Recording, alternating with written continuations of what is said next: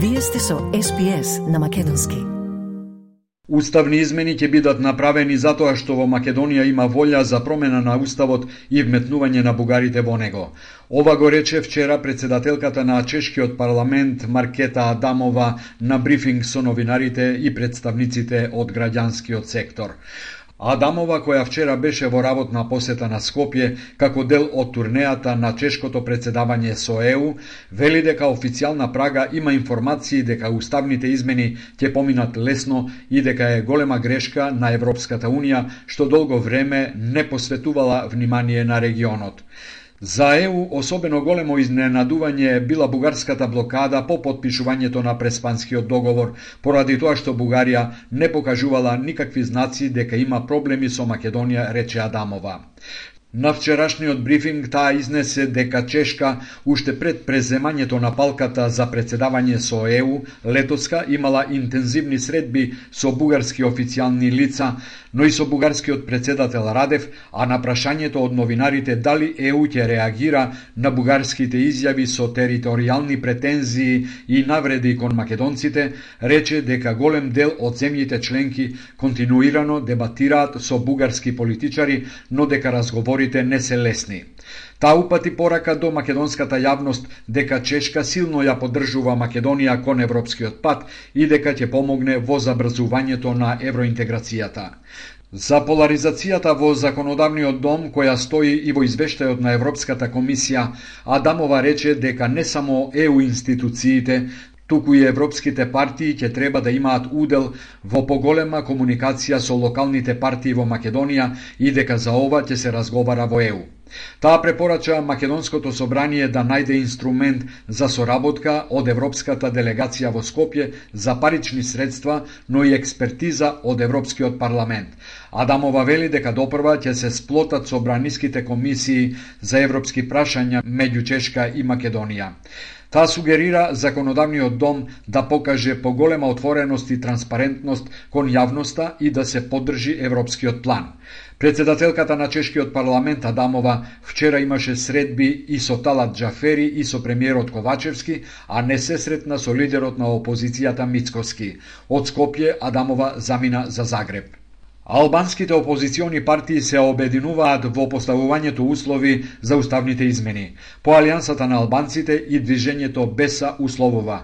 Беса соопштува дека ќе гласа за отворање на уставот за внесување на бугарите ако се отстрани терминот 20% и албанскиот да стане службен јазик како и македонскиот. Арафа Чабани на пресконференција рече: Ова е еден од условите што кога ќе дојде актуелното време за кога ќе се отворат уставните промени, ние ќе излеземе со конкретни е, барања, а едно од барањата, главното барање ќе биде и ова. Мислам дека еднаш за секојаш треба да се реши и статусот на македонскиот јазик не само во Македонија и надвор од Македонија, и статусот на албанскиот јазик, што е многу омалужувачки албанскиот јазик да се нарекува да се преименува со 20%. Предходно Алијансата на албанците исто така соопшти дека нејзините пратеници ќе поддржат менување на уставот само ако албанскиот стане службен заедно со македонскиот. Ова е само едно од барањата што го обзнани оваа партија, која соопшти дека сите услови првин ќе ги достави до странските амбасади, а потоа до македонските институции. ВМРО ДПМН е пак побара гаранција од ЕУ за да може да се разговара за отворање на највисокиот правен акт, Лидерот Христијан Мицковски на завчерашната трибина рече дека тргањето на терминот 20% ќе значи и уривање на унитарниот карактер на Македонија. Тој најави дека може да се разговара за јазиците, но само ако се укинат нормите како бадентер и балансер. Ако ја смениме преамбулата, ќе бидеме ли до 2030-та членка во Европската Унија?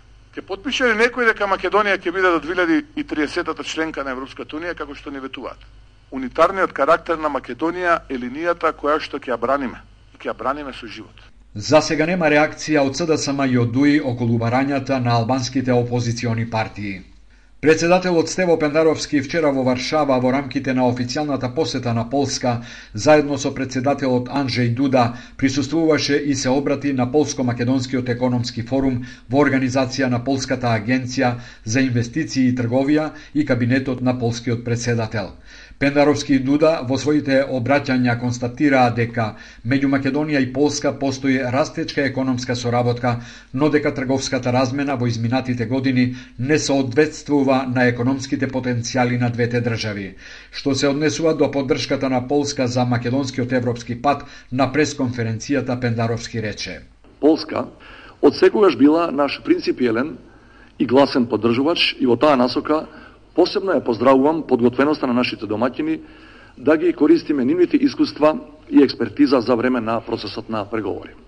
Верувам дека во следниот период полската поддршка ќе биде и засилена, не само билатерално, туку и преку Вишеградската група, како и преку другите регионални форуми во кои членува. Поддршката во рамките на Европската Унија, слушнати од неговите зборови, се подразбира. Полскиот председател Дуда рече дека централната тема на состанокот била војната во Украина и последиците од неа, но и проширувањето на економската соработка, најмногу за можностите за соработка за снабдување со газ. Дуда Пендаровски го одликува со највисокото полско одликување Орден на Белиот Орел, како символ на блиските дипломатски и политички релации меѓу двете држави и председатели и како потврда на македонско-полското пријателство и партнерство. Јавниот обвинител на Македонија Љубомир Јовески вчера во Луксембург подпиша работен договор за соработка со европската главна обвинителка Лаура Ковеси. Документот се наведува во сообштенијето од јавното обвинителство на Македонија има за цел да ја олесни меѓусебната соработка и размената на информации меѓу двете обвинителства за да се обезбеди ефикасна истрага и гонење на сторителите на кривични дела, особено кога станува збор за злоупотреби на финансиски средства од европските фондови. Со договорот е предвидено јавното обвинителство на Македонија и Европското јавно обвинителство да ги разменуваат сите стратешки информации во нивна надлежност. Европското јавно обвинителство воспоставува и своја контакт точка во јавното обвинителство на Македонија. Со документот подпишан вчера се наведува во соопштението се предвидува двете обвинителства да одржуваат состаноци на високо ниво, како и технички состаноци на оперативно и административно ниво. Договорот ја воспоставува и можноста двете јавни обвинителства во иднина со посебни договори да формираат и заеднички истражни тимови. ВМРО ДПМН е вчера објави наводна афера со име тајни имоти. Партијата тврди дека 123 именувани функционери на државни позиции кријат имот вреден 30 милиони евра. Пратеникот Бране Петрушевски на пресконференција рече: Овие 123 функционери придонеле прво кон кршење и непочитување на законите и второ, но не помалку важно, кон криење на своите имоти. Не веруваме дека се работи за системски пропуст, туку за системско прикривање на станови, куќи, деловни простории, удели во фирми и депозити. СДСМ се јави со реакција во која вели дека ВМРО ДПМН е првин треба да си погледне во своите редови и својот бел дворец и ако на вистина поседува некакви информации да ги достави до Државната комисија за спречување на корупцијата.